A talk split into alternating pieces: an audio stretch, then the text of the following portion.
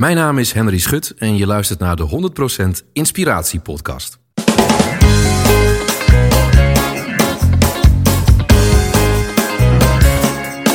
Hey, wat goed dat je luistert. Hij staat weer voor je klaar. Je wekelijkse dosis inspiratie is weer daar. De allerleukste gasten geven al hun kennis prijs. Met je veel te blije host, hij praat je bij. Zijn naam is Thijs. Thijs,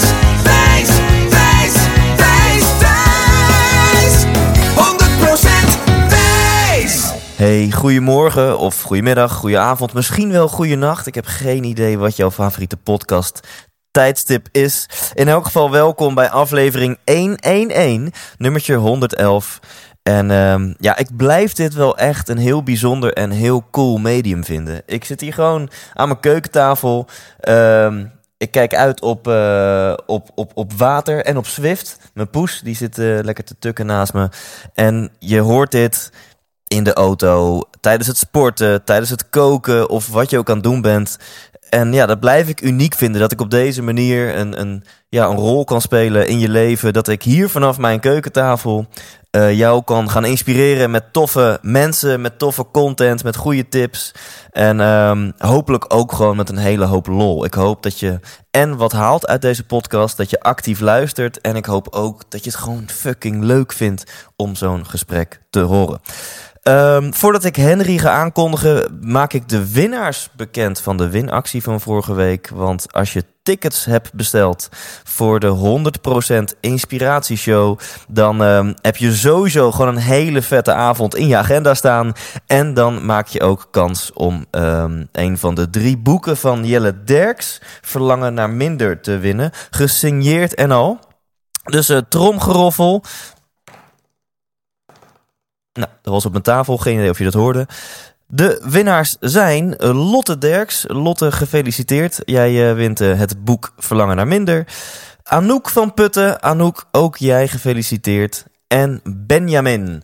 Jullie krijgen alle drie een, een mailtje van mij. En nou, dan komt het boek jullie kant op.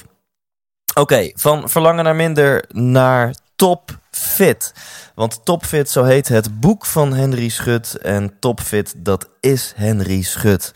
En um, ja, als je Henry niet kent, hij is uh, presentator onder andere van, uh, van Studio Sport. Maar je kent hem waarschijnlijk nog wel meer van uh, Studio Rusland. Zeg maar het praatprogramma rondom het WK afgelopen zomer.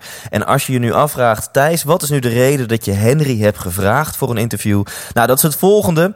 Omdat als je naar um, zeg maar de, de agenda van Henry kijkt. Hij heeft een onregelmatig schema, een onregelmatige baan. Absoluut geen 9 tot 5 baan. Hij heeft ook een druk gezin, drie jonge kids. Ja, dan zou je toch denken dat hij elk excuus heeft om te zeggen... Ja, om ook nog aandacht te besteden aan gezonde voeding en aan beweging, dat zit er voor mij niet in. En check dit nu vooral ook even bij je eigen leven. Welk, welke rol, hoeveel aandacht besteed jij aan gezonde voeding en aan veel sporten, veel bewegen? En heb je mogelijk excuses voor jezelf? En dan is Henry een super grote inspiratiebron. Want ik zou willen vragen: Google eens op uh, Henry Schut en dan Men's Health. Of volgens mij, als je op zijn naam googelt, zie je meteen al de cover van het Men's Health magazine. Ja, en dan wordt het duidelijk. Als je een vrouw bent, denk je: ik wil hem hebben. En als je een man bent, dan denk je: ik wil hem zijn. En um, in dit interview doet hij een boekje open over hoe krijgt hij dit voor elkaar om zo ontzettend topfit te zijn. Terwijl hij een ontzettend druk schema heeft. Dus dit geeft hoop aan iedereen om, uh, om ook nog gezonder te gaan leven, om vaker die gym in te gaan. En uh, ook natuurlijk uh, is het heel interessant om te horen hoe hij succesvol is geworden in zijn carrière. Want dat is natuurlijk ook waar deze podcast over gaat. Um, heeft Henry keihard aan planning gedaan en dat tot op de millimeter nauwkeurig uitgevoerd? Of heeft hij een andere route gekozen om te komen waar hij nu is? Um, luister ook zeg maar met die focus wat dit dan voor jouw dromen en doelen kan betekenen. Uiteraard mag ik ook wat exemplaren weggeven van zijn boek Top Fit, maar dat hoor je in de outro. En uh, voor nu ga ervoor zitten. En Henry, ontzettend bedankt voor je tijd. Ik vond het super tof om je ontmoet te hebben. En uh, hopelijk tot een volgende keer. Hier is Henry Schut. 100% wijs! Nou, dan gaan we beginnen. Um, En Henry, wat ik wel leuk vind, ik zei net van... ehm, ik, ik moest net lachen toen jij zei... Ja, bijna elk, elke interviewer stelt wel de vraag van... Heb je nog ambities voor de toekomst? Of wat wil je nog bereiken? Jouw eerste vraag. Ja, en toen, Ja. toen moest ik lachen. En toen zei ik van nou, ik licht zo meteen wel toe waarom ik lach. Ja. Want ik heb namelijk maar één vraag. En dat weet eh, zeg maar mijn vaste luisteraar ook. En voor de rest eh, ja, ga ik met de flow. En de enige vraag die ik heb, dat is de vraag waarmee ik begin. Dus daar ga ik nu ook mee beginnen. En dat is, wat wil je worden als je later groot bent? Ja.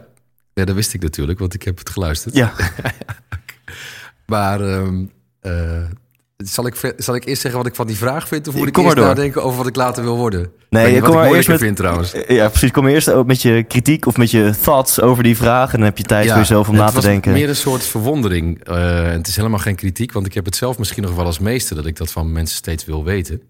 Maar soms vraag je je af, is het dan nooit genoeg? Want wat je, al, wat je bent zou ook genoeg kunnen zijn. Dus als jij aan mij vraagt, eh, wat wil je laten worden? Dan zou ik eigenlijk heel filosofisch kunnen zeggen... later is nu. Kijk, Dus ja, ik, eh, maar misschien heeft het ook met leeftijd te maken. Ik ben al 42, al voel ik me nog steeds 22. Eh, maar op een gegeven moment heb je wel een keer alles wat je zou willen. En tegelijkertijd, en dat is het lastige eraan, en dat maakt het toch ook een hele goede vraag. Heb je elke zoveel tijd, soms is dat twee jaar, soms is dat drie jaar, soms is dat vier jaar, eh, toch behoefte aan nieuwe dingen, of verbreding, of verdieping, of weer iets anders. Eh, dus ik vind het wel, het is, het, het is een hele goede vraag, want iedereen stelt hem aan iedereen, ook buiten interviews. Eh, en ik stel hem eh, eens in de zoveel tijd dus ook aan mezelf. Eh, maar ik heb toch geen antwoord op de vraag. En dat klinkt misschien een beetje raar, maar ehm, laat ik het zo zeggen, ik ben wel ambitieus, maar ik heb zelden lange termijn ambities. Dus ik rol steeds in iets nieuws. En dan is dat weer voor een tijdje hetgene waar ik eh, zo goed mogelijk in wil worden. Dus eh, ik had eigenlijk twintig jaar geleden al dat ik dacht, nou, ik ben tevreden, dit is het. Eh, zo moet mijn leven zijn. En we zien wel hoe het loopt. En dat heb ik eigenlijk nu nog steeds. Dus er komt, elke keer komt er weer iets op je pad. Of een bepaalde periode van een paar weken dat je denkt, of een paar maanden soms, van ik moet weer iets, ik wil weer iets, ik wil me ergens in doorontwikkelen. En dan, ja, dan gebeurt dat. ja. Dus om het heel concreet te maken, eh, toen ik eh, eh, achter de schermen bij Studio Sport ging werken, toen werd ik beeldredacteur. En dat vond ik in de eerste weken meteen al zo leuk dat ik dacht, nou, dit is het. Dit ga ik gewoon tot mijn 65ste doen. Toen dacht ik nog tot mijn 65ste. Inmiddels is dat tot Ja. je 67ste. En, en bedoel je dan werken hier bij, bij Studio Sport? Of bedoel, bedoelde je ook echt in die functie als wij... heel specifiek dat werk. Ja. Dus dat was eh, samenvattingen in elkaar zetten, eh, bandjes maken voor het sportjournaal. Eh, bijvoorbeeld de, de, de beelden die je achter een presentator ziet als die een aankondiging maakt in een scherm achter hem. Ja. Ehm, de headlines van de uitzending, dus, waar, dus in, de, in de leader van de uitzending, gewoon de onderwerpen die gaan komen. Ehm, soms mocht je een verslaggeversonderwerpen in elkaar zetten als iemand op locatie iets had gemaakt en er was, kwam gewoon een bandje naar Hilversum. Allemaal van dat soort Ja. dingen. En ehm, gewoon het bezig zijn met programma maken. Ik dacht echt, nou, dit is zo perfect. Dit is zo. ja, dit past zo goed bij me. Dat wil ik blijven doen. En toen twee jaar later eh, eh, dacht ik ineens van ja, maar. eh, ehm, ik heb op school en als hobby ook al best wel veel radiowerk gedaan en voice-over werk. Dus toen ben ik eens gaan informeren of ik er voice-over bij kon worden. En dat mocht. En toen dacht ik weer, nou is dit eigenlijk wat ik dan de rest van mijn leven wil doen. En zo ontwikkelde dat zich altijd door. Ja. Totdat je je eerste eigen item gaat maken, eh, eh, wat je elke week zelf inspreekt, eh, daarna gaan presenteren. En daar had ik het ook weer. Dus toen dacht ik ook bij, bij de kleine programma's die ik mocht doen, ja, geweldig, hier wil ik heel goed in worden. En dan kijken we wel weer daarna. Inmiddels snapte ik ook wel dat er dus blijkbaar een ontwikkeling in zit. Eh, maar het is niet dat ik in 2005 of zo bijvoorbeeld dacht, in 2014 wil ik het grote WK voetbalprogramma presenteren. Ja, ja. Dat is nooit in me opgekomen. Nee. Misschien ook wel omdat het zo groot is als je ernaar kijkt van tevoren, dat het je bijna eh, beangstigt. Dus ja, het komt eigenlijk. Ja. Dus, Nou, ja. ik vind het wel cool, maar mijn analyse is dan dat als je in je zone of genius zit, of om het even luchtiger te zeggen, als je dingen doet die voor jou belangrijk zijn, als je werk iets is waar je energie van krijgt, dan hoef je misschien niet heel erg aan carrièreplanning te doen. Want je, je, je doet al, je zit in de juiste omgeving waar jij op je plek bent, Ja. waar je energie krijgt. En dan komen vanzelf wel nieuwe dingen op je pad. Ja. En dan denk je, hé, hey, maar dit voelt goed, dat vind ik leuk. En dan ga je die kant op. En natuurlijk ga je vervolgens, ga je er weer vol voor. En is dat je comfortzone en moet je hard werken. Eh, is, is dat een beetje hoe het bij jou Ja, dat is gegaan? denk ik wel. Want het is ook een ontzettende luxe positie om dit te kunnen zeggen natuurlijk. Want er zijn best wel veel mensen die nog steeds zoekende zijn naar wat wil Ja. ik dan eigenlijk echt. Of die een, een beroep zijn gaan beoefenen waar ze misschien niet helemaal achter staan. En die dan dus altijd zoekende zijn naar wat is nou hetgene waardoor ik inderdaad gelukkig word in mijn werk of in mijn comfortzone zit. Ja, dat heb ik eigenlijk nooit gehad. Dat is wel ontzettende mazzel. Wil ook niet zeggen dat ik elke dag 100% tevreden ben. Hè? Mhm. Er zijn dagen genoeg dat ik wakker word en dat ik denk... Hé, bah, vandaag, vandaag dat. Ik had liever dat. Weet je, gewoon heel Ja. simpel dat je... Nou, ik kan het beter omdraaien, want dan hou ik het op de positieve manier. Ik vind het allerleukste klusje van de week... eh, de zondagmiddag radio-uitzending van Langs de Lijn. Er is echt nog niet één keer geweest dat ik dacht... s ochtends, nee, ik blijf liever thuis. Dat maar was- dat wordt deze week lastig. Want je, het is nu maandagochtend. En je zit nu in de 100% Inspiratie podcast. Dus ik, ga je dit zondag nog overtreffen, is natuurlijk de vraag. Ja, dat, dat ga ik je dan zondag laten weten. ja, misschien wil ik vanaf, dan alleen, vanaf nu alleen maar podcasten. Dat Ja. zou ook nog kunnen. Nee, maar ja, het is natuurlijk zo ongelooflijk luxe positie... als je heel leuk werk hebt om dan... zoals nu te praten over wat je dan in de toekomst nog zou willen. Ik mag eigenlijk heel blij zijn als ik over tien jaar...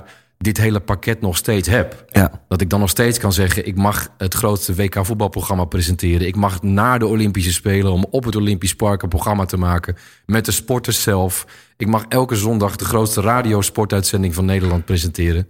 met Hugo Borst samen. Ja, dat zijn allemaal dingen... als ik ze uitspreek, denk ik van... wow, dat is eigenlijk best wel, best wel veel en groot... en om heel blij mee te zijn. Ja. Dus ja, als jij dan zegt... eh, wat was je letterlijke vraag? Wat wil je laten worden? Wat wil je worden als je later gaat? Ja, zeg maar de, ja. typische vraag die de juffrouw in groep Ja. 4 aan je stelt. Van, hey, eh, Henrietje, wat wil je worden als je later groot bent? En dan zou ik zeggen, dan wil ik over tien jaar wil ik de- ongeveer dezelfde dingen doen die ik nu doe, maar er dan beter in zijn geworden. En dat geldt ook in het privéleven. Dan hoop ik dat ik een. Ik hoop dat ik al een leuke vader ben voor de drie kinderen. Maar dan hoop ik dat ik een dan nog leukere vader ben. Ja, mooi. Ik en, vind, en, en dan is het heel moeilijk, want dan zijn ze allemaal pubers. Dus eh, ja, want het, het zijn, eh, hoe, hoe is de verdeling, eh, jonge meisje? twee jongens en, een, en de derde is een meisje. En ze zijn zeven, zes en drie. Kijk. Ja. Ja, dus dat wordt gekkenhuis over, eh, over tien jaar. ja, of over eh, misschien iets eerder al. Ja, hè? Op, over zes jaar ja. gaat eerst op puberen. Precies, dat zien we dan wel weer. Ja, ja, precies. Nog niet over nadenken. En ik vind het mooi dat je nu de vraag breder trekt. Want je begon inderdaad, eh, en dat, dat is ook hoe de meeste mensen denken. Als ze denken aan hun ambities, denk je bijna altijd over je carrière. En nu trek je hem breder en zeg je, nou ja, over tien jaar in principe de dingen doen die ik nu doe, maar er beter in zijn geworden. Ook privé. Ik wil ook een betere papa zijn geworden. Ja. En waarschijnlijk is het over tien jaar compleet anders. Ja. Want ik had twee jaar geleden ook niet kunnen bedenken dat er nu een boek van me in de winkel zou liggen. Ja. En eh, ja, wie weet wat er allemaal op je pad komt. Maar dat zeg ik al, dat is zo'n mooie luxe positie. Daar moet je eigenlijk vooral heel erg van genieten. En, Ja. eh, en de mooie dingen uitpikken. Ja, en ik wil hem wel gebruiken als geruststelling voor mensen die nu luisteren en die. Hé, je ziet heel veel tegeltjes en wijsheden en quotes voorbij komen van live your dream en eh, think big en everything is possible. Maar dat vind ik veel te groot. Als je ergens zit waar je energie van krijgt, dus probeer eens een baan te vinden. Mocht je nu advocaat, consultant, cashier, whatever zijn en je Ja. weet, nu zit ik niet op mijn plek. Je hoeft niet je droom meteen na te jagen. Maar als je nou eens ergens zou kunnen gaan zitten waar je het naar je zin hebt. Ja. En vanaf dat startpunt, vanaf dat nieuwe vertrekpunt, om je heen blijven kijken voor klopt. nog leukere dingen. Ja. Het is heel moeilijk als je, het zelf, als je zelf iemand bent met ambitie om dan deze woorden eh, tot je te nemen en ook uit te voeren. Want je ziet gewoon vaak aan mensen met een bepaald doel dat dat doel er zo hard afspat dat het bijna tegenwerkt. Ehm, ik, zei, ik heb gisteren de, gisteravond laat de eerste aflevering gekeken van het nieuwe RTL-programma Screen Test. Ik weet niet of je het toevallig hebt gezien, maar dat is een idols voor presentatoren. Oh, En dat vind ik, dat vind ik eigenlijk bijna in zijn, in zijn hele opzet al, al de verkeerde weg. ja. Omdat dat, dat zal. Dat, dat gaat bijna nooit mensen aantrekken. eh, die bijvoorbeeld de weg hebben bewandeld die ik heb bewandeld. Dat je er stap voor stap achterkomt. Ja. Dat dat misschien je pad is. En dat je er dan vervolgens ook stap voor stap eh, beter in kan worden. Totdat je voor jezelf hebt bepaald: oké, dit is mijn weg. Of totdat, dat kan natuurlijk ook, dat je werkgever of publiek heeft bepaald. Nou, misschien moet je toch iets anders gaan doen. Dat kan allemaal. Bij zo'n, bij zo'n programma, en dat zag je ook meteen in aflevering 1, komen, daar komen alleen maar ontzettend ambitieuze mensen. Die, die, die bij wijze van spreken in hun hoofd hebben om morgen die grote spelshow te presenteren. Of eh, dat praatprogramma of zo. En zo, zo, A, zo werkt het niet. Ik snap natuurlijk het format van het programma heel goed, want het is gewoon een vermakelijk programma. Maar en B, zo bereik je het meestal niet. Je moet ook realistisch eh, zijn in je hoofd. Weet je? Dus je mag best wel dromen. Hè, toen ik 12 was, toen droomde ik van van alles en nog wat. Ik wilde eh radio-dj worden, ik wilde zanger worden en ik wilde profvoetballer worden. Ja, maar in de loop der jaren ga je, streep je alles één voor één zo af. En dat profvoetballen wist ik eigenlijk toen al. Maar als je dan twee, drie jaar ouder bent, dan denk je van nee, ik weet nu zeker, ik heb het talent daar niet voor. En ehm, nou ja, radio-dj werd uiteindelijk wel eh, de reden waarom ik naar de school voor journalistiek ben gegaan. En dus uiteindelijk op dit pad eh, beland. Ja, en bijvoorbeeld, weet je, zoiets als zanger worden of muzikant worden of zo. Je moet, er, je moet er talent voor hebben, maar da- daarna moet je ook een bepaald, een bepaald pad op. En ook nog heel veel mazzel hebben, alles bij elkaar. Ja. Dus, dus ehm, weet je, het was allemaal niet bewust dat ik op mijn 22e dag, toen ik beeldredacteur werd, van dit wil ik dan wel de rest van mijn leven doen. Maar het is achteraf gezien wel een hele prettige eigenschap. Dat je, al, Ja. dat je daar al 100% tevreden mee kan zijn. Ja. En hallo, mag het ook? Want kijk om je heen wat mensen allemaal worden. En, en ik had al daarmee al meteen een topbaan. Je zit, al met, je zit dan al in het topsegment van, een, van, van eigenlijk het vak dat je beoefent. En alles wat je dan daarna nog, nog gaat doen, is ook een soort winst. En dat moet je jezelf heel erg. ehm, dat moet je heel erg beseffen, denk ik. Ja. Dat, eh, dat je moet niet altijd maar groter moeten van jezelf. Ja, en ik snap heel goed wat je bedoelt. Want ik ben zelf ook super ambitieus. Maar ook als ik programma's als, als ik dat überhaupt al kijk, The Voice kijk. En je ziet mensen die te hebberig in hun ogen zijn. Inderdaad, ik wil morgen wil ik al dat, eh, dat giga-programma presenteren. Het werkt averechts. Precies, en, Ja. en dat is nou precies wat jij ook zegt. Dat, zo werkt het leven niet. Nee. En er zit bij mij misschien ook wel een beetje persoonlijke frustratie dan bij. Omdat ik van mezelf ook weet, ja, waar ik nu sta is, is op een aantal gebieden een plek waar heel veel mensen ook zouden willen staan. En ik heb er echt fucking hard voor gewerkt. En dat is een hele Ja. lange tocht geweest. Ehm, maar wat, wat ik bedoel te zeggen, en, en let op, nu ga ik iets verstandigs eh, zeggen. Dat Nu al? Het, ja, ja. het, het gaat niet om het bereiken van dat doel. Maar het gaat om de persoon die jij moet worden. De groei die jij moet doormaken om dat doel te kunnen bereiken. En als je dat doorhebt, dan merk je inderdaad, ja, dan wil je dan echt, als je nu een rode knop hebt, dat je daarop drukt en dat ineens je droom is gerealiseerd? Nee, je wil groeien. Je wil Ja. die persoon worden Ja. die jij moet worden om Ja. dat doel te kunnen en ook, realiseren. En ook alleen dan kan je het aan, hè? Ik wil niet het hele leven vergelijken met The Voice of Holland. Maar bedenk nog even, als je dat een aantal seizoenen hebt gevolgd... wie daar allemaal van de ene op de andere dag doorbraken, tussen aanhalingstekens. Maar wel ineens be- beroemd waren in Nederland. En eh, er zijn jaren geweest dat er zangers en zangeressen tussen zaten... die eh, ook meteen in de hitparade stonden en zo. Omdat al die liedjes elke week werden uitgebracht. Dan ben je in één klap mega beroemd. En je ziet wat er, wat er daarna gebeurt. Er is eigenlijk niemand die dat vast heeft kunnen houden. Dus het is een soort van de omgekeerde weg. Je wordt in één klap op die top van die berg gezet. Daarom is het het goede voorbeeld. Ook voor, eh, de goede metafoor eigenlijk ook voor alle andere vakken. En daarna kan je er eigenlijk alleen nog maar vanaf donderen. En, en, en dat is wat je ten alle tijden moet voorkomen. Dus Ja. weet je, als iets snel gaat, natuurlijk kan het. En natuurlijk kan je heel snel op de, de plek zijn waar je, waar, je, waar je wil zijn. En op een bepaalde top van een bepaalde berg. Maar pas er ook mee op, hè? want je moet inderdaad jezelf ontwikkelen tot een bepaalde plek in een bepaalde Ja. functie. En, ehm, en echt, ja, elke dag, elke week, elke maand ervaring maakt je zoveel beter.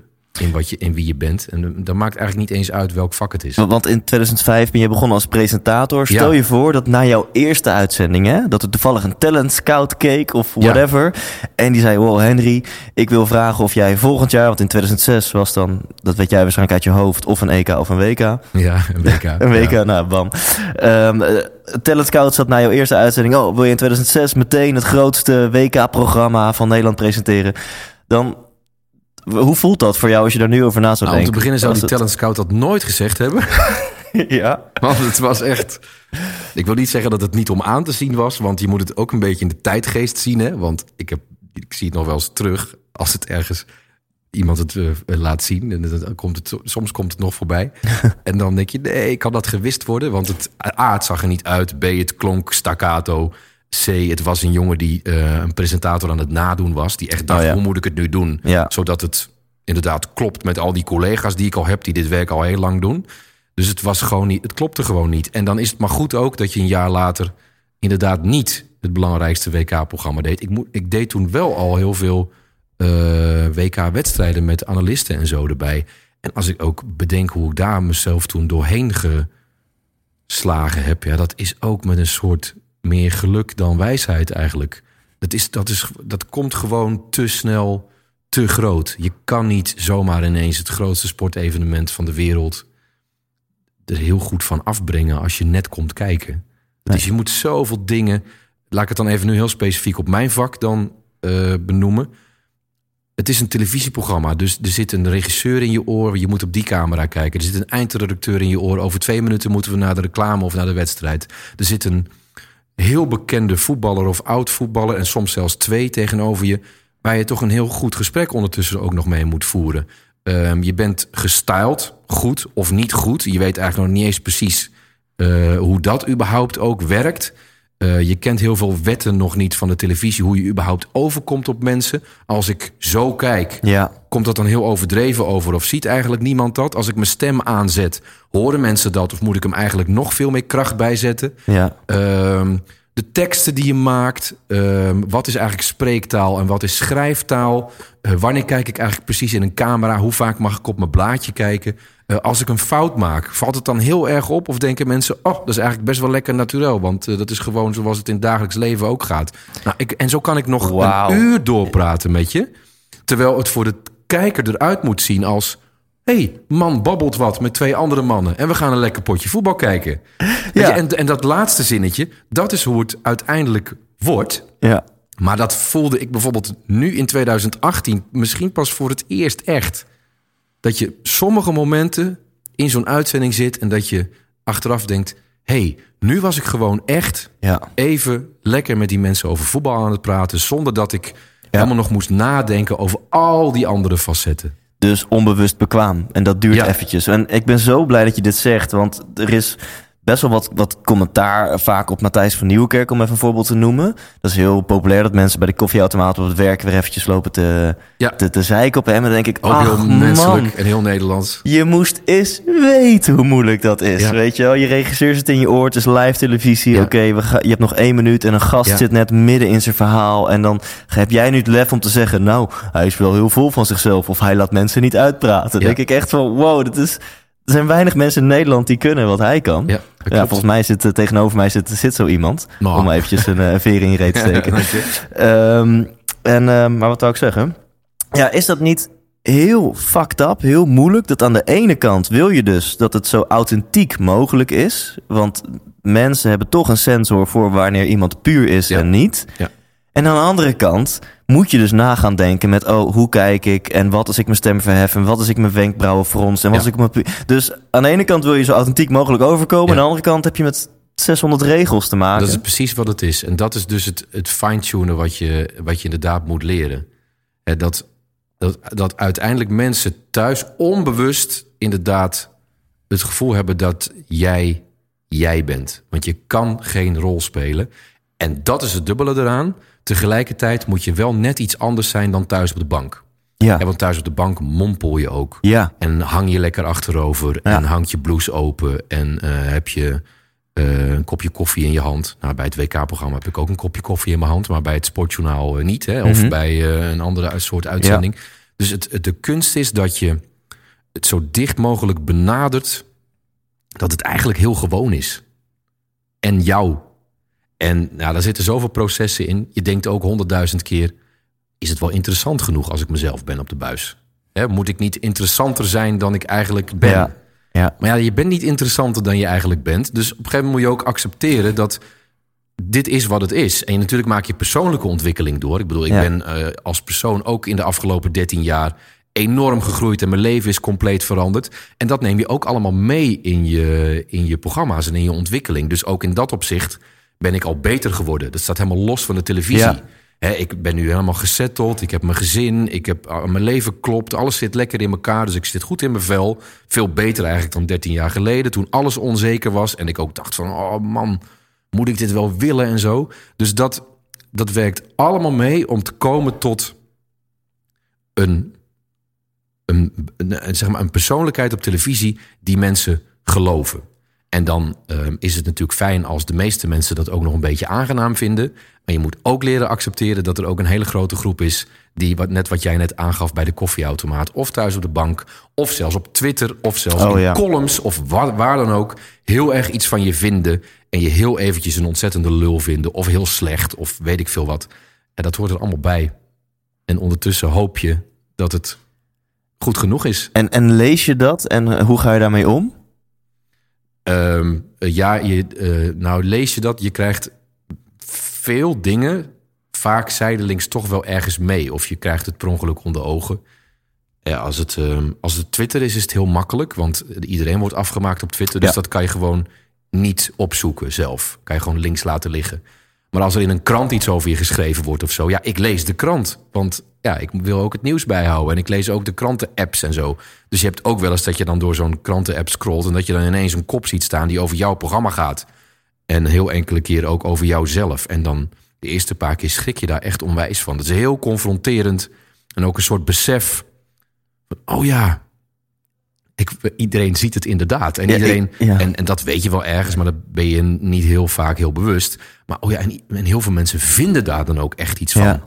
En oh shit, dan vinden dus ook een aantal mensen vinden daar iets negatiefs van. Logisch, vind ik zelf ook als ik op de bank zit tv te kijken. Of als ik iemand op straat zie lopen die raar doet, of noem maar op. Dus, eh, dus je komt het her en der wel tegen. En dat is ook een proces waar je mee moet leren omgaan. En kan je ons meenemen in een aantal lessen die je hebt geleerd? Want, want veel mensen die luisteren, die, die staan ook veel op het podium... of die doen zelf een podcast. Of dus jezelf presenteren, of je nu met je kop op tv bent voor een miljoen mensen... of, of in andere settings, is voor iedereen een relevant onderwerp. Dus wat zijn een aantal dingen die jij dan hebt geleerd... om dus inderdaad wat je zegt... ja, je moet niet half achterover gezakt zoals je thuis op de bank soms zit. Dus je moet wel in een soort van hogere status van alertheid zijn...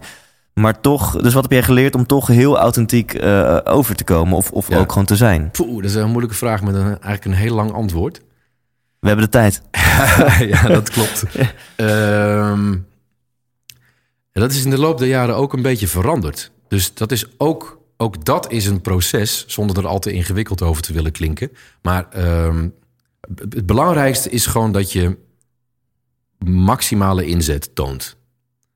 En dat je, en dat je gewoon ehm, op, het, op het moment dat het echt moet gebeuren, zorgt dat je de- de beste versie van jezelf bent die je die, die, die, die, je die dag kon zijn. En dat, dat zit hem in zoveel dingen dat je gewoon letterlijk goed voorbereidt op wat je gaat doen. Hè, dat je gewoon de materie beheerst.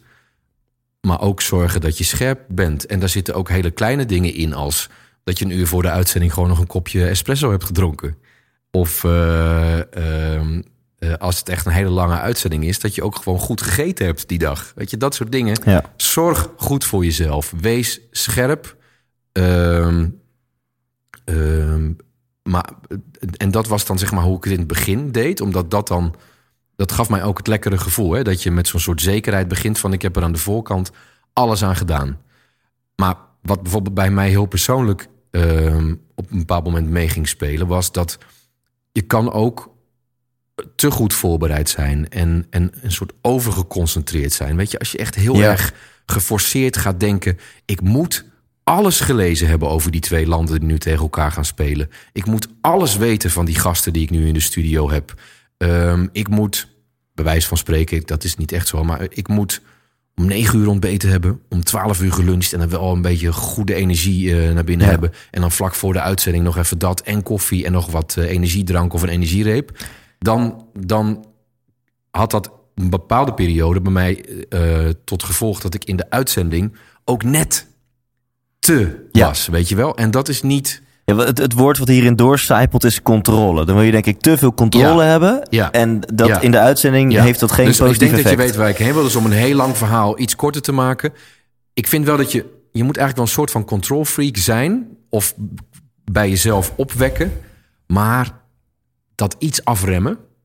Zodat je ook de, eh, de ontspanning kan vinden... om het te doen zoals je het zou moeten doen. Hè, dus een- als ik een uitzending inga... ik moet op en top geconcentreerd zijn... maar wel ook ergens die ontspanning hebben gevonden. En, en dat is heel moeilijk om te omschrijven. Want dat, Ja. weet je, dat kan ik dan wel binnen mijn werk... een beetje aan je proberen uit te leggen... maar dat zal bij iemand anders op, bij een andere baan weer totaal anders eh, eh, werken. Maar ik kwam er bijvoorbeeld op een gegeven moment achter... dat ehm, het heel fijn is om met je gasten... tot op zekere hoogte voor de uitzending ook een gesprek te hebben gehad. En omdat je dan van twee kanten Ja. ben je al lekker met elkaar los en je bent Ja. lekker aan elkaar gewend. En ook dat is een kwestie van ervaring. Want als je daar voor de uitzending te ver in gaat, Ja, dan, eh, dan is de angel eruit bij je gasten. Ja. Als je niet oppast. Dan moet je gast wel heel veel van televisie snappen. En dat het op dat moment in de uitzending moet gebeuren. Wil die al die dingen nog een keer zeggen. die hij al tegen je had gezegd voor de uitzending. Dus, dus je bent een soort een socializer tot een bepaalde hoogte. En dan begint de uitzending. Ja. En eh, als je een uitzending hebt met een sidekick, bijvoorbeeld, is ook weer zo'n ding. Zeg je bepaald tegen een bepaalde sidekick, zoals bijvoorbeeld Hugo of zo, Borst. Als die mijn sidekick is, dan kan het heel goed werken dat wij voor de uitzending überhaupt niks tegen elkaar hebben gezegd. Want eh, dat komt dan in de uitzending wel. Of dat je alleen even hebt besproken, waar gaan we het de eerste twee minuten over hebben. En er zijn ook sidekicks bij. En dat, die je gewoon helemaal moet instrueren van dit komt voorbij in de uitzending en dan dat en dan dat en dan dat. Nou weet je, en zo noem ik, noem nu een paar dingen, maar zo zijn er heel veel facetten in dat, in dat hele programma en in dat hele programma maken, die je echt fine-tuned in de loop der jaren. ja. Ik hoor een hele hoop micro, maar ook een aantal macro dingen die je gewoon door ervaring leert. Ja, Dus om, om dit samen te vatten, als, hè, en of je nou een programma gaat presenteren, een podcast gaat hosten, of gewoon een belangrijk gesprek hebt met je baas of een medewerker of whatever. Ik hoor één, hoor ik jou zeggen van nou, ehm, goede voorbereiding helpt. Niet per se op de, niet alleen op de inhoud, maar ook in de vorm. Dus gewoon goed slapen, goed eten, dat soort dingen is gewoon belangrijk. Hè? Ehm, Ja. Twee, ehm, eh, zeg je van je moet wel de goed genoeg voorbereid zijn op de inhoud om de, de rode draad te weten. Anders word je te zenuwachtig. Herken ik ook bijvoorbeeld bij mezelf. Of Ja. het- en dat geldt ook voor mensen als je moet presenteren of als ik een keynote mag geven. Als ik nog niet die blokken weet waar ik over wil lullen, dan ben ik super zenuwachtig. Ja. Dus je moet wel enigszins precies dat, voorbereid dat zijn. je het gevoel hebt, ja. ja. En de- als je dat eenmaal hebt, dat gevoel hebt, dan moet je ook loslaten. Dan Ja. moet je niet gaan denken, oh, maar ik wil me nu... en ik ga die PowerPoint nog 600 keer doornemen... en ik ga me, mijn script ga ik woord voor En woord dat werkt niet. En dan kan je ook heel erg verzanden in, eh, in al die informatie die je tot je hebt genomen. En dan op een gegeven moment weet je ook niet meer precies op welk level je het dan ehm, eh, insteekt in het programma. Ik zeg, ik zeg altijd tegen mezelf: je moet, eh, jij moet weten wat de gemiddelde kijker weet. En dan stiekem een beetje meer. En zodat je die, die kijker Ja. ook nog een beetje kan meenemen in de dingen die je extra weet. Maar als je bijvoorbeeld precies hetzelfde weet als je gast. Al helemaal weet wat hij gaat antwoorden en zo. Ja, dan, dan wordt het ook acteren. Weet je, je, moet, je moet ook gewoon nog Ja. het, het gesprek in de uitzending kunnen voeren. En daarin je verwondering kunnen uitspreken. En nog echt een nieuwe vraag in je hoofd krijgen. En het liefst natuurlijk een heleboel. Eh, eh, en altijd blijven denken vanuit eh, je consument. Ja, en ik vind het heel tof dat je dit zegt. Want ik interview natuurlijk best wel vaak mensen die een boek hebben geschreven. Zo ook jij. Nou ja, daar gaan we het straks nog over hebben. Een mooi bruggetje. Ehm, en ik heb wel eens gedacht, ja, fuck, moet ik niet dat boek hebben gelezen voordat ik iemand interview? Dan, want ja, dat, dat, dat, dat zie je professionele journalisten wel eens doen. Die Ja. zeggen dan, nou, ik heb je boek geschreven en daarom wil ik je... Ja. Dus ik voelde me best wel slecht over mezelf. En Je hebt het boek tot niet gelezen. Ik, ik heb het boek nog niet gelezen.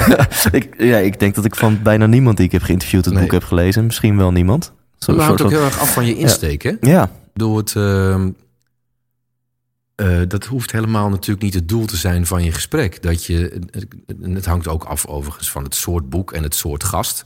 Kijk, als jij nou een, eh, een, iemand tegenover je hebt waar een biografie over is geschreven. En pas in die biografie is echt het hele levensverhaal van die persoon opgetekend. Dan is het wel handig, denk ik, dat je het op zijn minst voor een groot stuk hebt gezien. Eh, maar dat is ja, dat, natuurlijk waar ik het over heb geschreven, is dat helemaal. Dat, dat doet niet ter zake. Nee. Ehm, mooie cliffhanger, want ik wil het er zo meteen over hebben. Want ook waar het boek over gaat en de tips die je hebt voor mensen over lifestyle, over sport, et cetera. Ehm, maar eerst nog even over jouw carrière als, als sportpresentator. Je bent uh, met je kop op tv. Dat zien veel mensen toch als succes. Hè? Heel veel mensen willen wel iets soortgelijks bereiken. Of je hebt toch in jouw vakgebied de top bereikt. Want ja, ja hoe heet die programma's? Uh, Studio France en Studio Brazil presenteren is wel even een dingetje. Um, kun je daar wat over vertellen? En je hebt, ja, je hebt natuurlijk al wel wat, wat dingen gegeven, maar misschien kun je nog meer erover vertellen. Wat is wat jou betreft nu zo terugkijkend jouw route dan geweest naar dit succes toe? Qua keuzes, qua focus, dat, et cetera. Ja. ja, dat is dus eigenlijk de stap-voor-stap route. En uh, uh, nou ja, als ik helemaal bij het begin uh, begin. Ik studeerde aan de school voor journalistiek. Maar ik ging daar naartoe nog met de gedachte om radio-dj te worden. En toen ik daar op die school zat, toen ontdekte ik hoe leuk alle facetten van de journalistiek zijn. En dan op een gegeven moment mag je stage gaan lopen. En uh, wij hadden ook gewoon, omdat we een aantal zwaar in sport geïnteresseerde jongens in de klas hadden zitten, ook wel wat dingen gedaan al met sport en zo. En uh, toen bleek dat wij uh, op school uh, de stageplek Studio Sport hadden, eens per jaar voor een, kwart, voor een kwartaal. Dus gewoon uh, voor, dat iemand drie maanden stage mocht gaan lopen. En toen ik aan de beurt was om stage te lopen, was die plek gewoon vakant. Toen dacht ik, nou ja, dit is eigenlijk wel een soort van ideaal. Als ik geen radiomannetje ga worden, dan, uh, dan zou dit het ook voor mij kunnen zijn. Want wij komen gewoon uit een enorme sportliefhebbersfamilie. Uh, dus ik dacht, nou ja, dan is dat voor mij nu de kans. En eigenlijk is dat, dat was eigenlijk de enige echte stap die ik heb hoeven zetten. Want, want die stage bracht me daar aan de slag. Nou, dat heb ik net verteld. Eh, achter de schermen als beeldredacteur. En dan, ja, wat daarna gebeurt. Ik kan niet zeggen dat het vanzelf gebeurt. Want je moet natuurlijk wel steeds laten zien dat je een nieuwe ambitie hebt. Of dat je graag iets anders wil doen. Ja, dan lopen dingen gewoon zo. Dat, dat, dat klinkt heel simpel. Maar in dit geval was dat ook. En het had ook best kunnen zijn dat ik al vier jaar eerder presentator was geworden. En het had ook kunnen zijn dat ik vijf jaar later presentator was geworden. En het had ook kunnen zijn dat ik nu eindredacteur was. Of um, um, iets anders achter de schermen. Of bureauredacteur of verslaggever. Ja. Dus het is, weet je, het is helemaal niet dat het een, een uitgestippelde weg was... die ik eenmaal op die manier ging uh, bewandelen.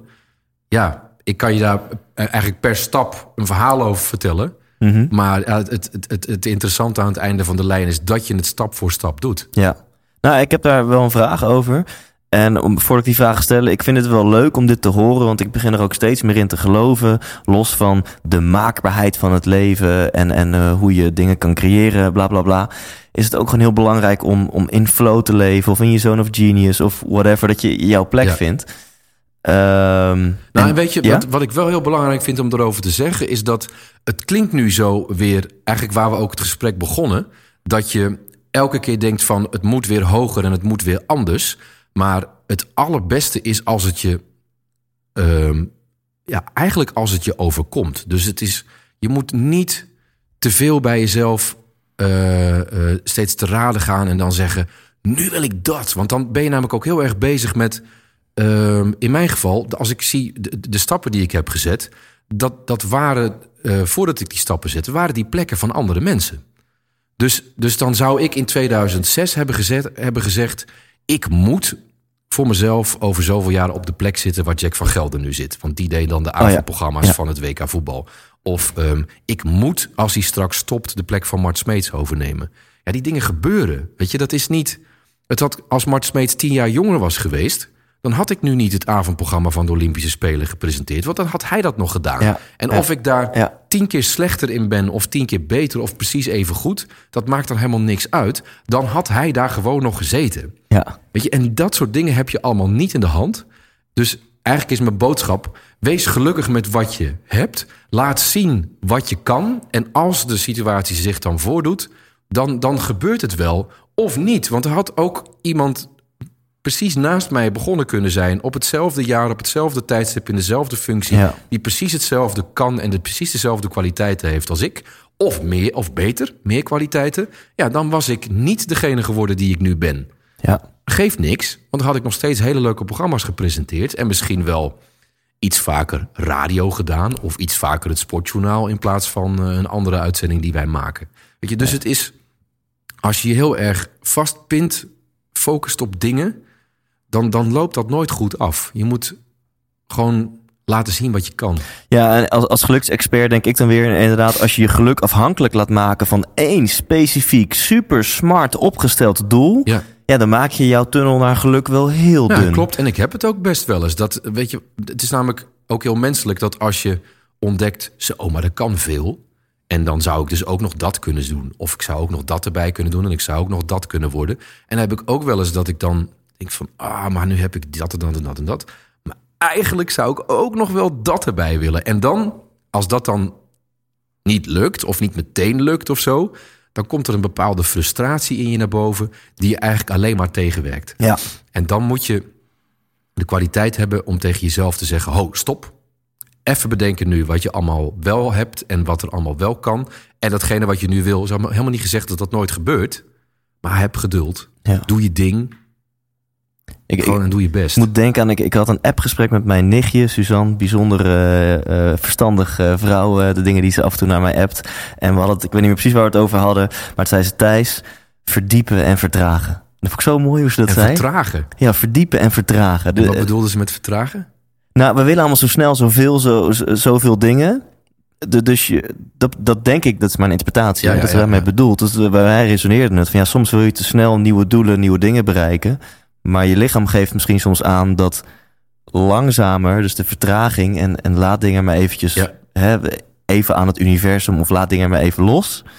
Eh, en vertraag maar en verdiep. En vanuit Ja. die verdieping vind je dan veel meer het tempo van jouw lichaam of van jouw Ja. trilling, als je het zweverig wil formuleren. Ja. Inderdaad, als het in Ehm. deze context bedoelde, dan snap ik het volledig. Want als iets iets langer duurt, is het vaak alleen maar goed voor je. Ja. Je wordt er nooit slechter van. En ehm, kijk, wat, ja, wat ik ook hoor in wat jij zegt.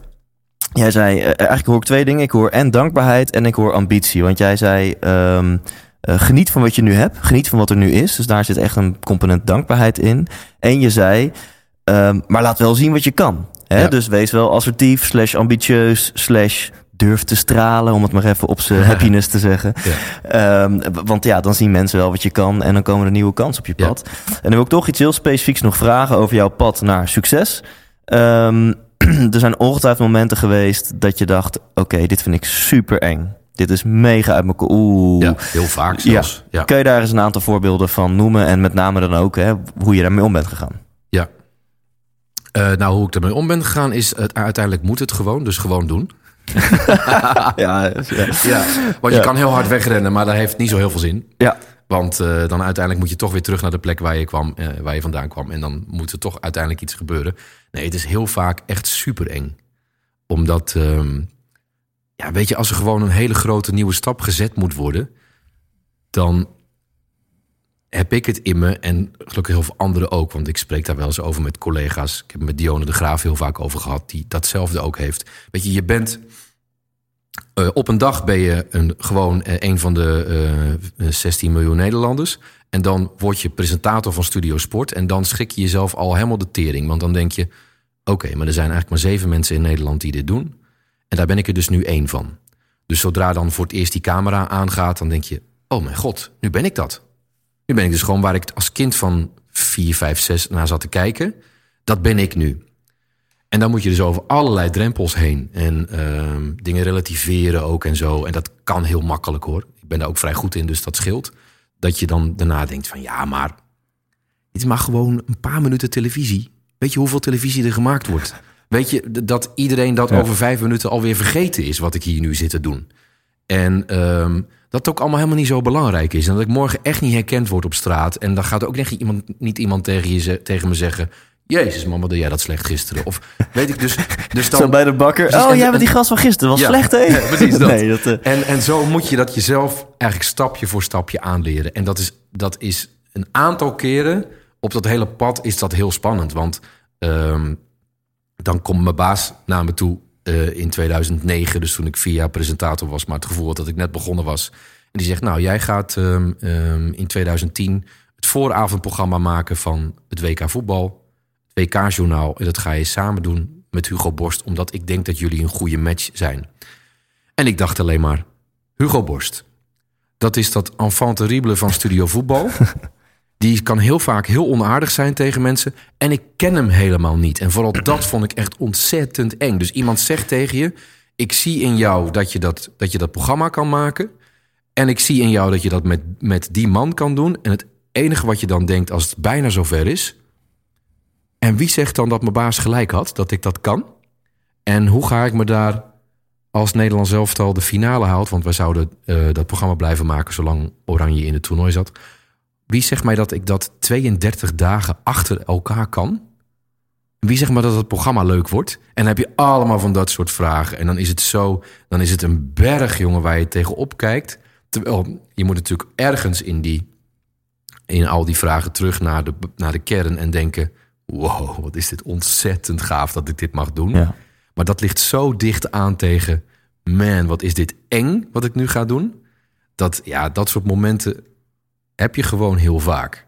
En dan is uiteindelijk de enige optie het doen. Want blijkbaar is dit de volgende stap. Ik, ik, ik, ik kan nog steeds tot vlak voordat het begonnen is zeggen...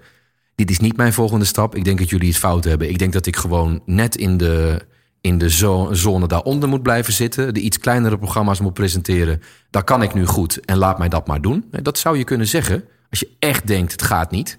Maar ergens in je zit natuurlijk wel uiteindelijk dan dus ook die ambitie. Of een soort van die, ja, die drive om dat dan wel ook te willen. Dus dan ga je ervoor en dan ontdek je of dat het is. Of je, of je dat ook kan, zeg maar, die, die, die ene stap hoger. En dan dient zich misschien een paar jaar later weer iets anders aan, wat, wat, wat nog een stap hoger is. En een paar jaar later weer iets aan, wat ook nog weer een stap hoger is. Totdat je denkt van, nou ja, dit is het. En, en is dit, want ik hoor hier een onwijze, ja, toch ook wel een bepaald doorzettingsvermogen hoor ik hierin. Eh, ehm, je zegt net van ja, eh, hoe ik mijn comfortzone ga door het gewoon te doen. Dat, dat klinkt echt als een vanzelf, dat komt dan echt over als een vanzelfsprekendheid bij jou. Is dat een eigenschap die bij jou altijd al aanwezig is geweest? Ook als je terugkijkt, eh, vroeger in je leven, dat je altijd al ja, vrij makkelijk het lef hebt kunnen verzamelen om dingen gewoon te doen? Nee. Wil je een heel kort antwoord? Nee. Ja, en de toelichting? Ja. Nee, ja.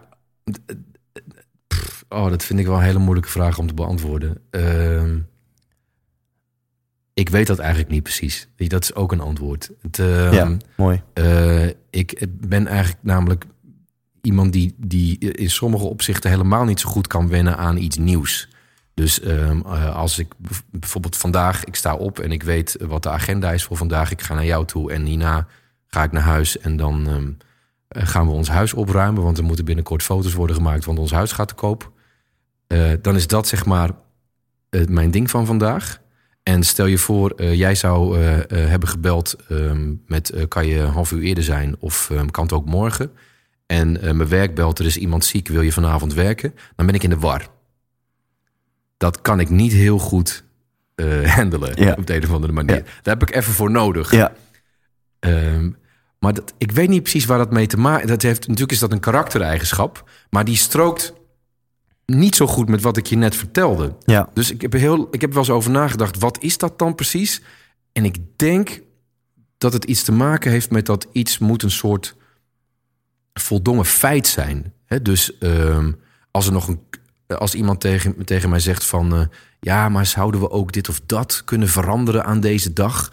Dan sla ik een soort van op tilt. Dan denk ik, nee, want we hadden gezegd dat het zo zou gaan.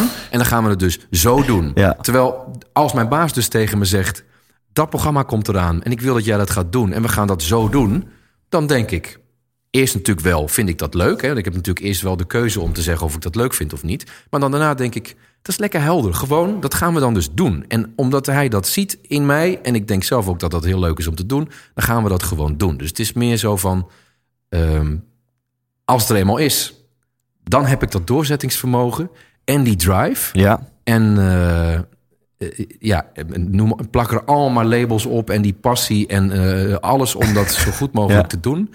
Maar om nou te zeggen dat ik heel kneedbaar en vlechtbaar en eh, schuilt ook een halve autist in jou. ja, dat is eigenlijk ja, misschien wat je wel een hele. Ja. ja, precies.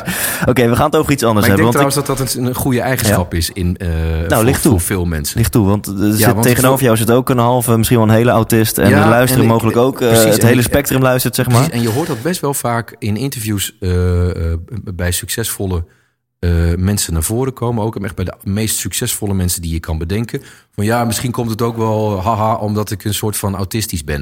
En dat is altijd een soort van halve grap. Maar ik denk dat het een hele goede eigenschap is, omdat dat. ehm, het ligt natuurlijk heel erg aan eh, eh, hoe, hoe stevig je het hebt. Hè? Want er zijn honderdduizend soorten. En begrijp me niet verkeerd, het kan je ook heel vaak heel erg tegenwerken. Maar ik denk dat een licht autistische inslag voor zorgt dat je heel doelgericht bent. Ja. Dat je, nou, tunnelvisie is Ja. misschien een overdreven term daarvoor. Maar een gezonde tunnelvisie kan heel goed voor je zijn. Denk het ook. Ja. We gaan het ergens anders over hebben. Want ik zit al dit hele interview lang naar een halfnaakte Henry te kijken. en nu Ik denk heb ik... gewoon allemaal kleren aan. Ja, en dat is niet... eh, jij hebt inderdaad gewoon netjes je kleding aan. Je hebt wel even een shirtje aangetrokken waar je biceps gewoon extra uitkomt. Ik draag altijd t-shirts. Oké, Ja, vooruit, of het nou winter is of zomer. Ja, en wat jij ook aan hebt, jouw biceps, die knalt natuurlijk altijd gewoon uit. nou, mensen denken nu thuis, heb je het over? Voor mij ligt de Playboy. Oké, nu wordt het nog, nog eh wordt het heel shadier. Eh, want ik, ik, dat is de reden dat wij hier zitten. Ik ben vervent lezer van de Playboy. Dat weten ook sommige van mijn eh, Instagram-volgers en luisteraars. Nu weet iedereen het. Ja. Echt een waanzinnig blad. En dit is de editie van juni 2018. En daar zag ik... ehm, ja, bij de intro-pagina al een foto van, van een Henry Schut in, in... Ja, wat ben je hier aan het doen? Je, je, je- In de sportschool, een in de ringen. In ringen, ja. Ja. Ehm, en te zien is op die foto dat het niet de eerste keer is dat jij in de sportschool bent. Ja. Of het is En, heel ehm, goed geshopt. Een van, de, een van de twee. En er staat als kort tekstje al bij: geen tijd om te sporten? Vraagteken. Dat is dus gelul, volgens Henry Schut. Als deze druk bezette presentator en er afgetraind uit kan zien, dan moet het jou net zo goed kunnen lukken. Hoe? Dat legt hij je haar fijn uit. Nou, en dan ga ik nu niet natuurlijk het hele interview voorlezen, want je zit nu hier tegenover mij. Oh, er komen nu een hele hoop naakte vrouwen voorbij. Ja, wat vervelend. Welke pagina sta jij? Nou, die ga ik wel tijdens, tijdens jou... mij eh, moet je hem even door, helemaal doorklappen nog. Oh ja, ja, klopt. Oh, wacht, Daar, ik, ik, had ja. hem al, ik had hem al gewoon open. Ja. Oké, hele lange introductie om te zeggen... jij hebt een boek geschreven en dat boek heet Top Fit. Jij bent al zo'n tien jaar volgens mij actief aan het sporten... waarvan sinds een, een uit de hand gelopen eh, weddenschap met eh, Maxime Maxime Hartman... heeft ervoor gezorgd dat jij echt vol gas bent gegaan...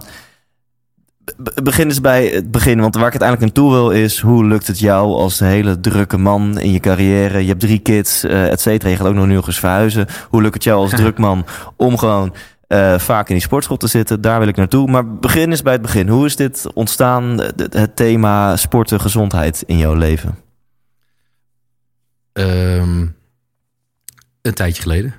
Ik ben in 2005, nou, eh, in 2005 ja, begonnen met fitnessen.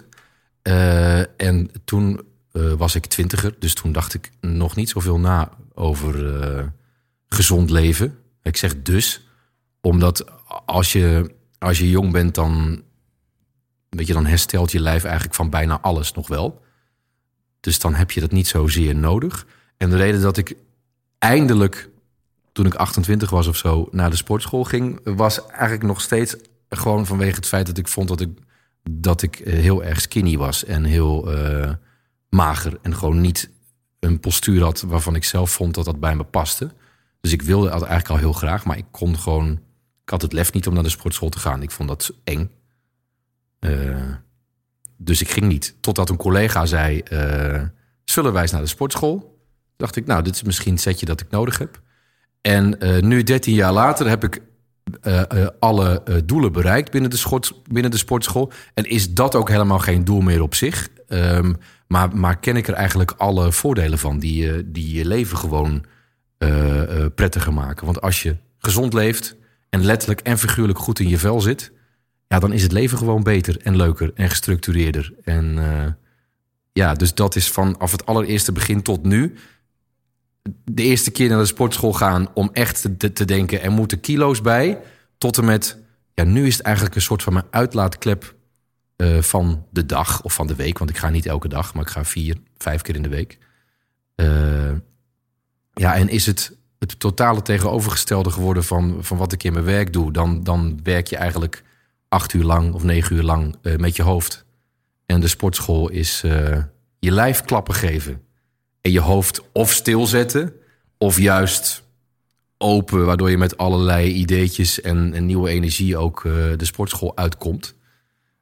Maar dat is, ja, dat is kort gezegd het verhaal. En, en, Ja. en in, de, in die hele route van 13 jaar zit dan inderdaad ja, een soort van de competitie met jezelf. Om als je dan het doel bereikt hebt om, ehm, om die kilo's erbij te trainen, om dan daarna te kijken. Nou, zit wel een soort topsportmentaliteit ook in mij blijkbaar. Wat zal ik er nu eens uithalen? En toen kwam na heel lang zoeken, waarbij ik de hele tijd dacht: Nou, oké, ik heb een. Mijn lijf is beter geworden, maar ik vind eigenlijk niet dat het. Ik snap nog steeds niet precies hoe je nou topfit moet worden. Toen kwam die eh, grap langs met Maxime Hartman.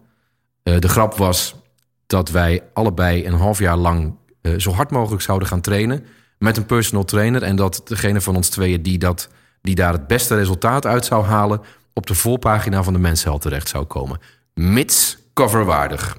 Dat wist niemand. Maar dat was, dat was de deal met Men's Health. Dus Ja, ja. ja.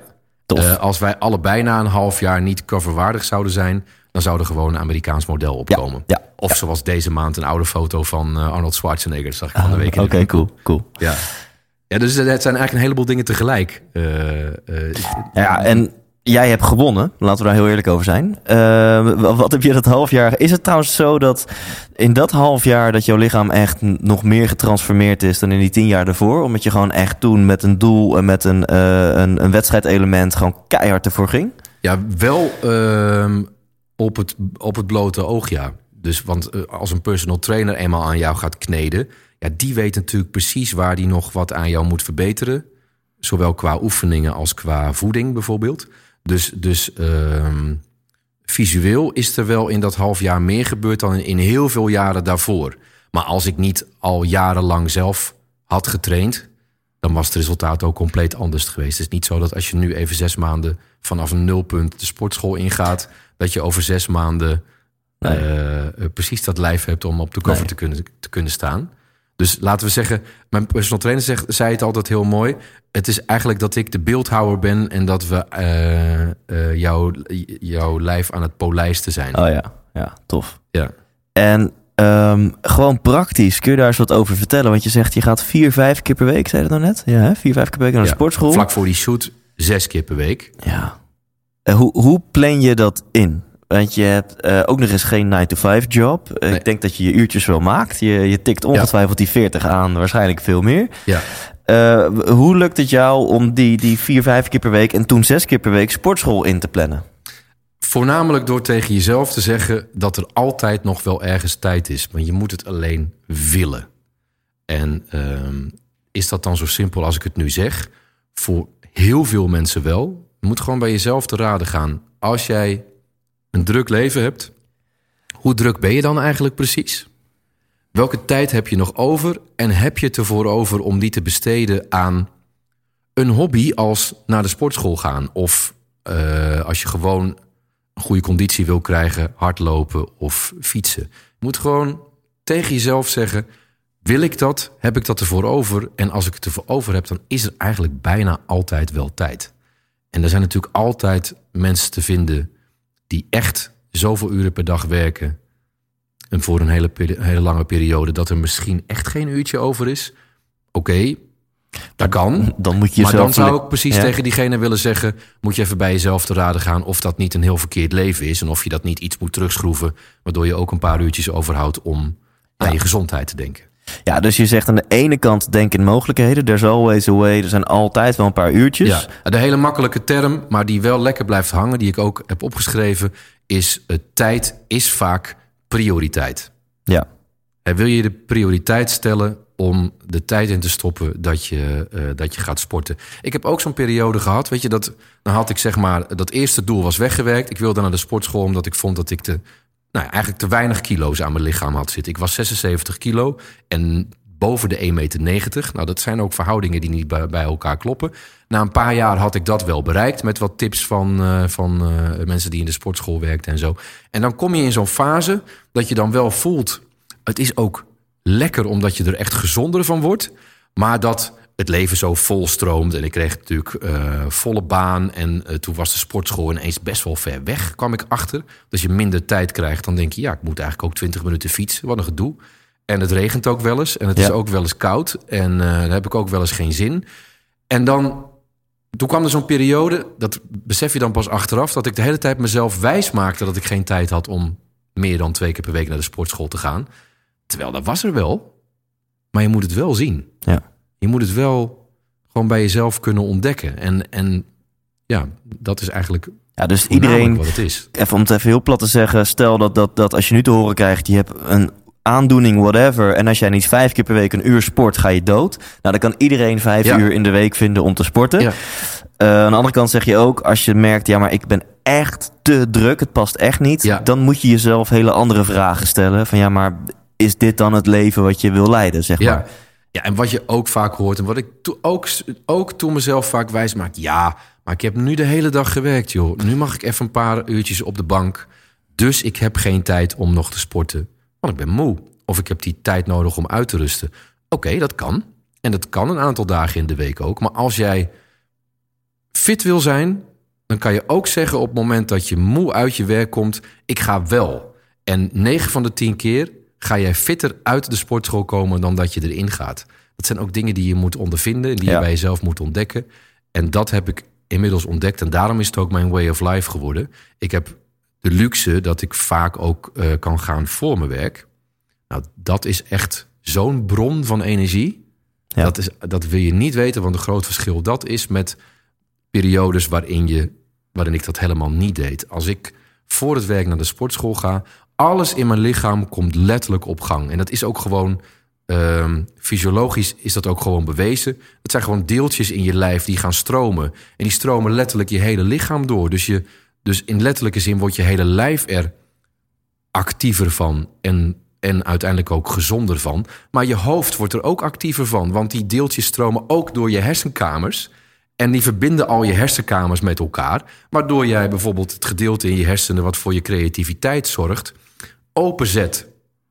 En eh, eh, als je dan dus daarna naar je werk gaat, op betere ideeën komt dan dat je zou hebben gehad als je in je, in je luie nest was blijven liggen en verder niks had gedaan die dag. Dus er zitten zoveel gunstige kanten aan eh, jezelf die sportschool intrekken, dat je alleen daarvan al plezier krijgt. En dan is het daarna, daarna de kunst dat wat je doet aan sport, want ik noem het sportschool, omdat natuurlijk dat is dan mijn sport, ehm, is daarna de kunst dat je er ook echt plezier in krijgt. Want als Ja. jij tegen jezelf zegt, oké, ik ga dat doen, vier dagen per week, drie dagen per week, vijf dagen per week, moet jij weten. Maar als je dat al die keren niet zo leuk vindt, wat je daar aan het doen bent, dan gaat het op lange termijn niet werken. Dan Ja. ben je jezelf voor de gek aan het houden. Dus Ja. je moet wel het plezier erin krijgen. Of hetgene zoeken waar jij dan plezier in hebt.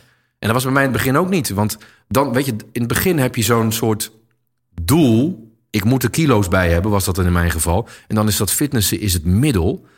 En dan denk je bij heel veel dingen, ja, is toch geen drol aan wat ik nu aan het doen ben. Ja. Die kut deadlifts. Ja, precies. Totdat ik er ineens aardigheid in vond. En, en dan, dan wordt het pas echt leuk. En dan kan je er nog meer uithalen. Ja. En een ander zal het hebben in hardlopen, buiten, gewoon door de natuur. En weer een ander zal het hebben in fietsen. Doe dat dan. Weet je wel, zoek. Het is bijna hetzelfde als gewoon in je werk en in de rest van je leven. Zoek dan binnen die wereld hetgene waar je het meest plezier in hebt. En dan zal je er echt profijt van, Ja. van hebben. Ik vind het ook heel mooi hoe je net eh, de balans. eh, Ik vind een hele mooie formulering wist je te vinden van op je werk zit je lichaam stil en is je kop bezig. Ja. En in de sportschool is je lichaam actief en is je kop stil. Ja. En, en die, ja, die balans is denk ik heel fijn. Ook juist voor je mentale fitheid, voor de creativiteit. Ehm, En in mijn geval misschien ook wel echt nodig. Want als je vijf dagen in de week stil zit, letterlijk op je werk en alleen je hoofd werkt. ja, je lijf zakt daarvan in elkaar. Ja.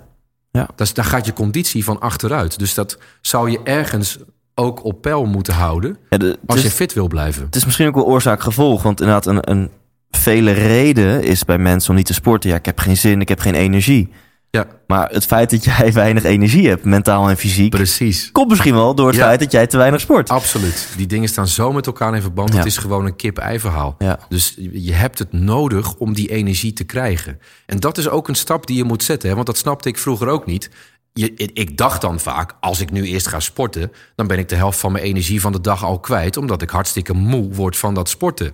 Maar dat werkt anders. Natuurlijk word je er in eerste instantie moe van... maar die energie die je erin stopt... krijg je daarna dubbel en dwars weer terug. Ja. En daar heb je zo ontzettend veel aan. Ja. En ja, ik kan, het, ik kan het honderd keer omschrijven, maar ik kan eigenlijk beter vooral zeggen: ga het ervaren. Want je merkt dat Ja. echt, het is een onwaarschijnlijk verschil met niks doen. Ja, en die transitiefase, stel dat je iemand bent die nu niet of te weinig sport, die transitiefase is het moeilijkste, ben ik van overtuigd. Ja, Want want, dan dat moet duurt natuurlijk even. Dat is niet dat jij de eerste keer meteen denkt van... Precies. wow, wat voel ik me nu geweldig. Want als je een buikje hebt of een slecht eh, geworden conditie... ja, je moet natuurlijk even een paar drempels ook over.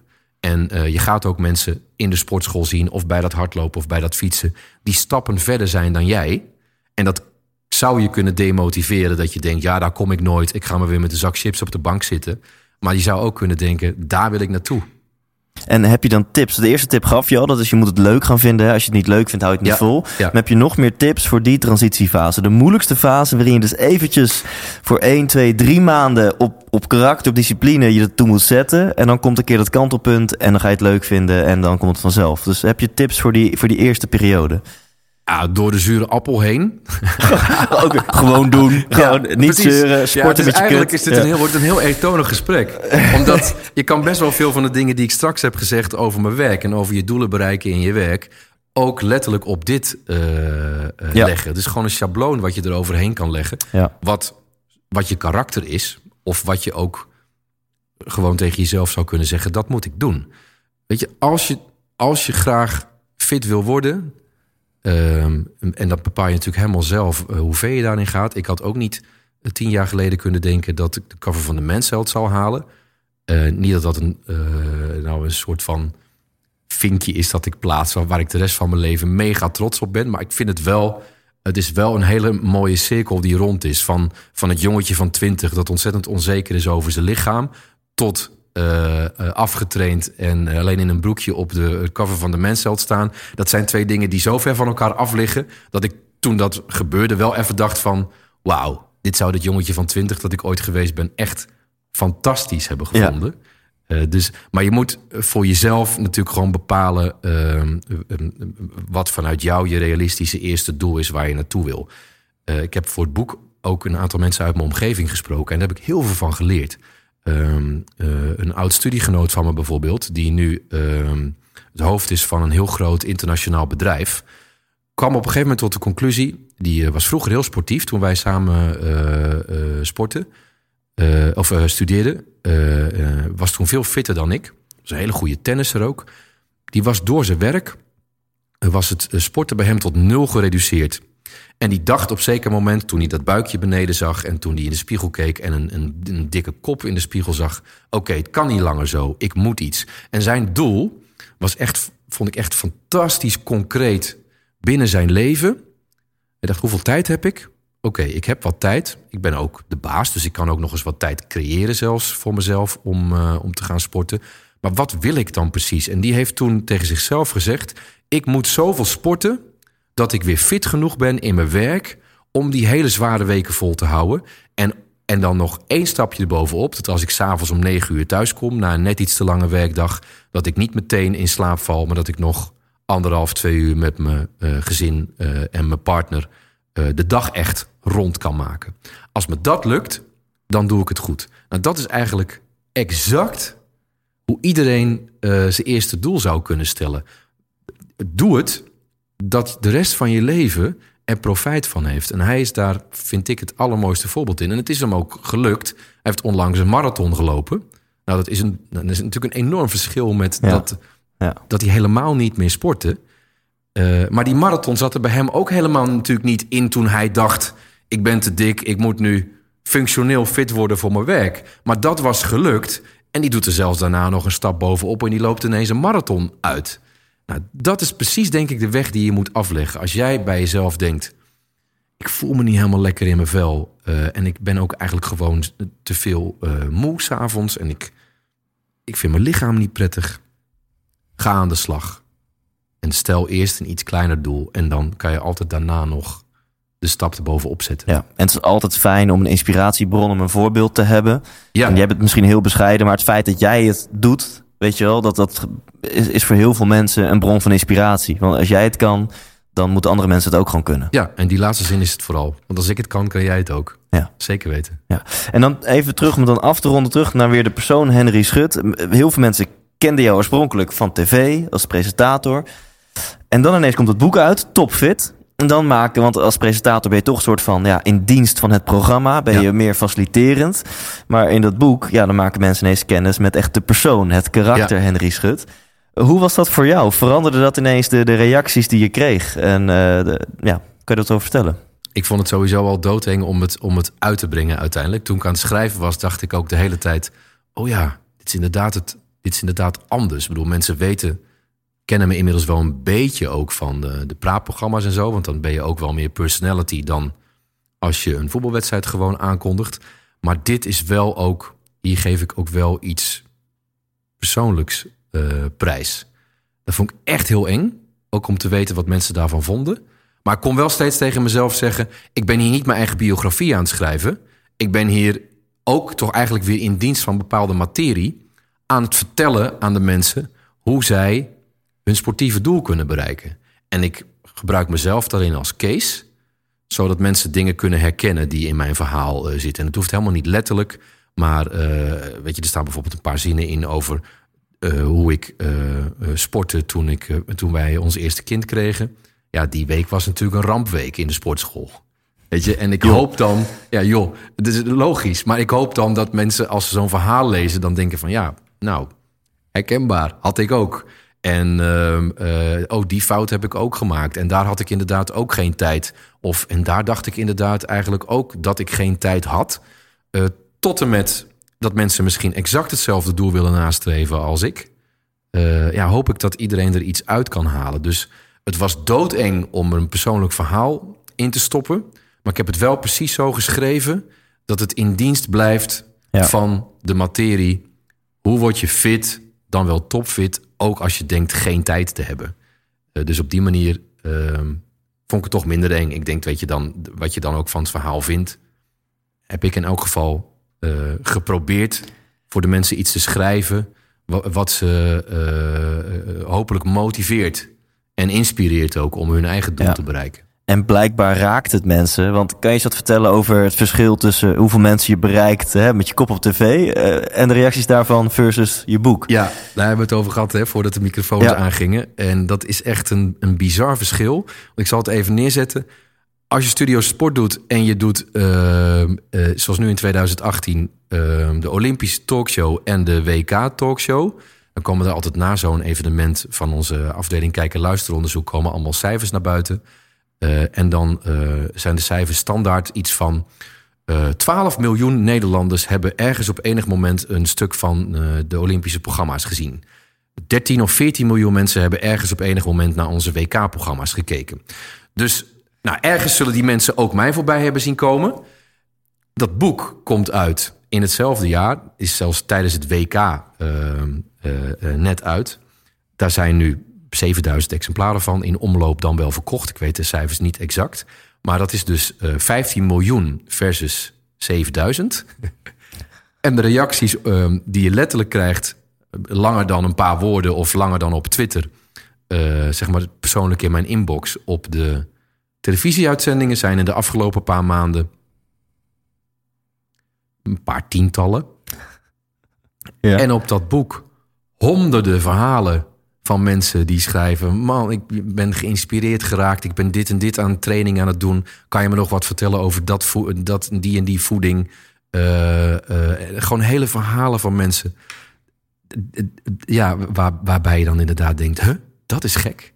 Dat is dus een veel rechtstreeksere manier blijkbaar waarop je mensen eh, raakt of zoiets. Ja.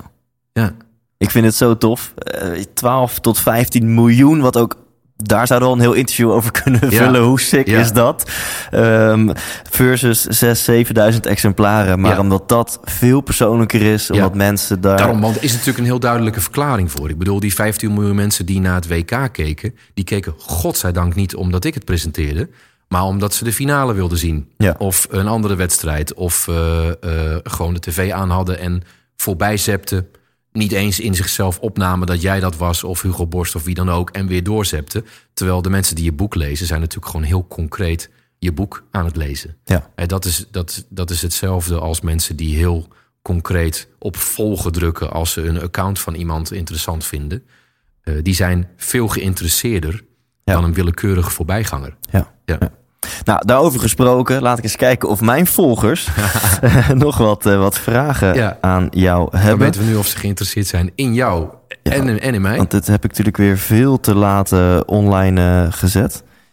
Ehm, ja, ik heb, er, ik heb er eentje binnen. Klopt dat? Of misschien wel meer? Nou, in elk geval deze. Van, ehm, en ik lees het nu ter plekke voor, hè, dus ik kan me niet voorbereiden of zo. Hendrik eh, 202, Hendrik Kramer.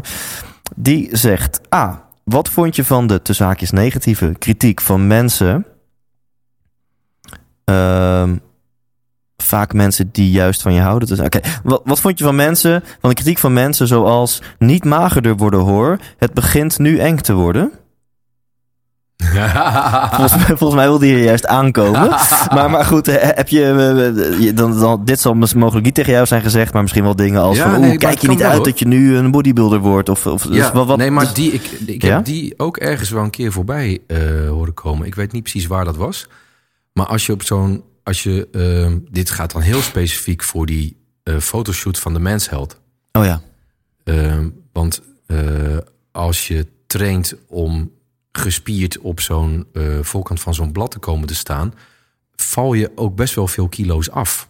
Je wordt strakker, maar je verliest natuurlijk heel veel vet. ja, En daarmee ook kilo's.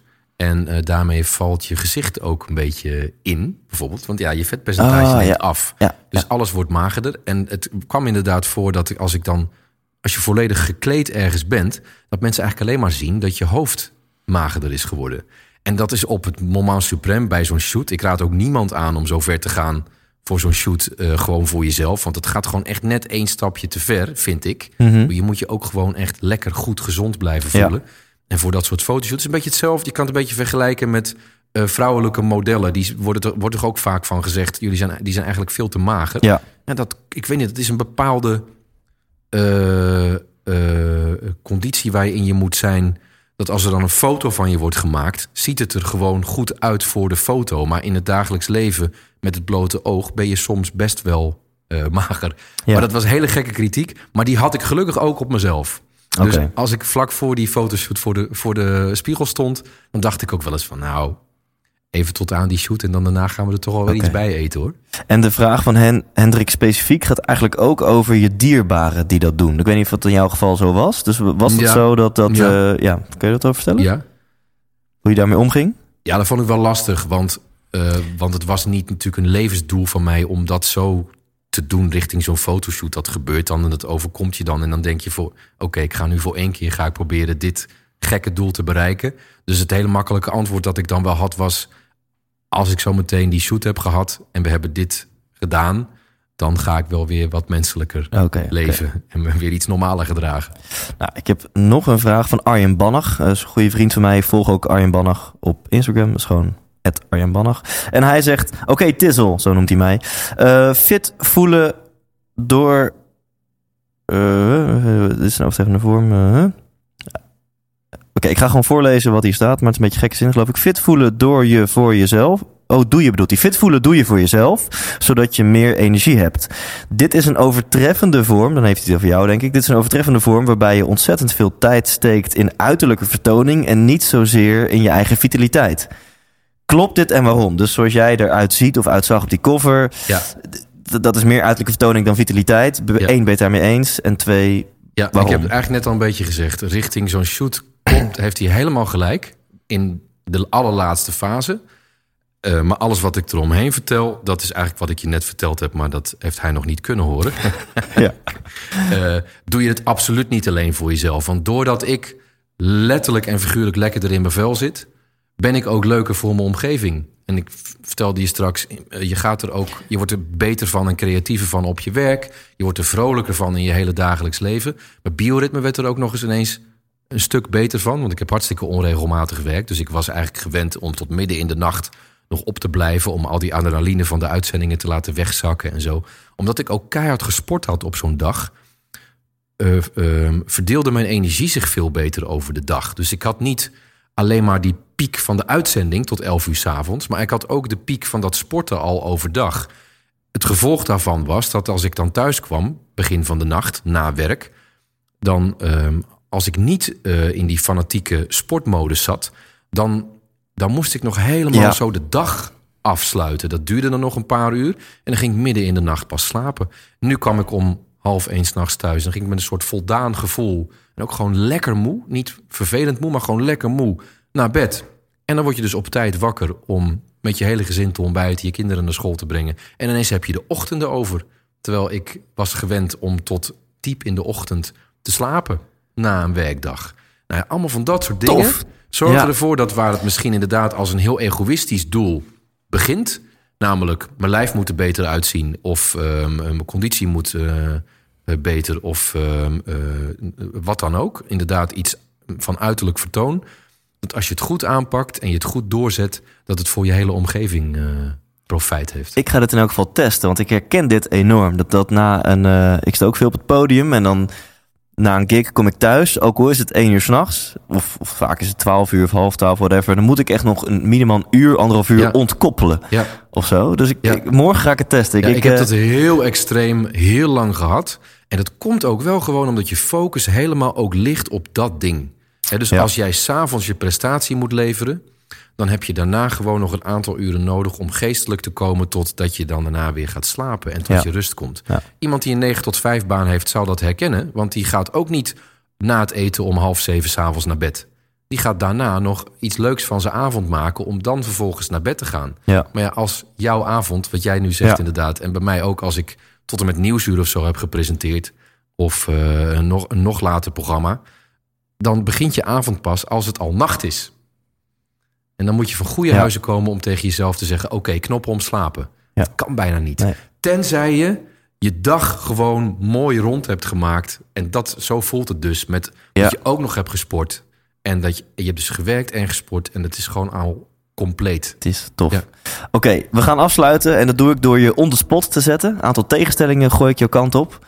Eh, dus nu gaan we Henry echt leren kennen. en eh, je mag gewoon meteen reageren. Je moet kiezen tussen één van de Oké. twee. Dus laat je intuïtie zijn werk doen. Ja. Oké, komt-ie. Ochtend of nacht? Ochtend. Bestuurder of passagier? passagier. Dat is natuurlijk heel tricky gezien eh, ons gesprek over je, je rijbewijs. Wat we net Oh, ik, had het meer, ik zag het meer.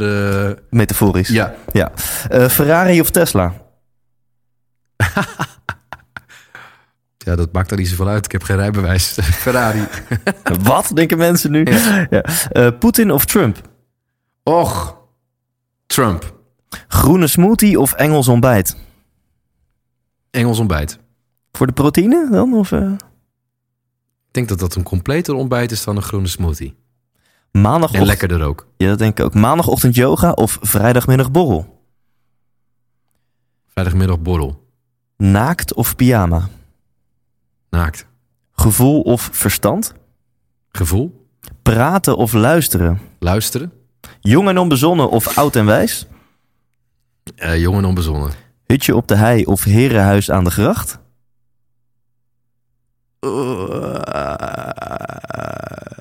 Hutje op de hei. Justin Timberlake of Justin Bieber? Justin Timberlake. Klassieke muziek of death metal? Klassieke muziek. Nooit meer seks of nooit meer muziek? Ah. Oh, oh, sorry. Ik sta de microfoon er bijna van om. Eh, deze heb ik niet goed gehoord. ja, ja, ja. Eh, nooit meer eh, seks. Oeh, vanuit je tenen. Ja. Vanuit je- gaat, je, gaat je vrouw ook luisteren naar dit gesprek? Ik of, hoop niet tot het einde.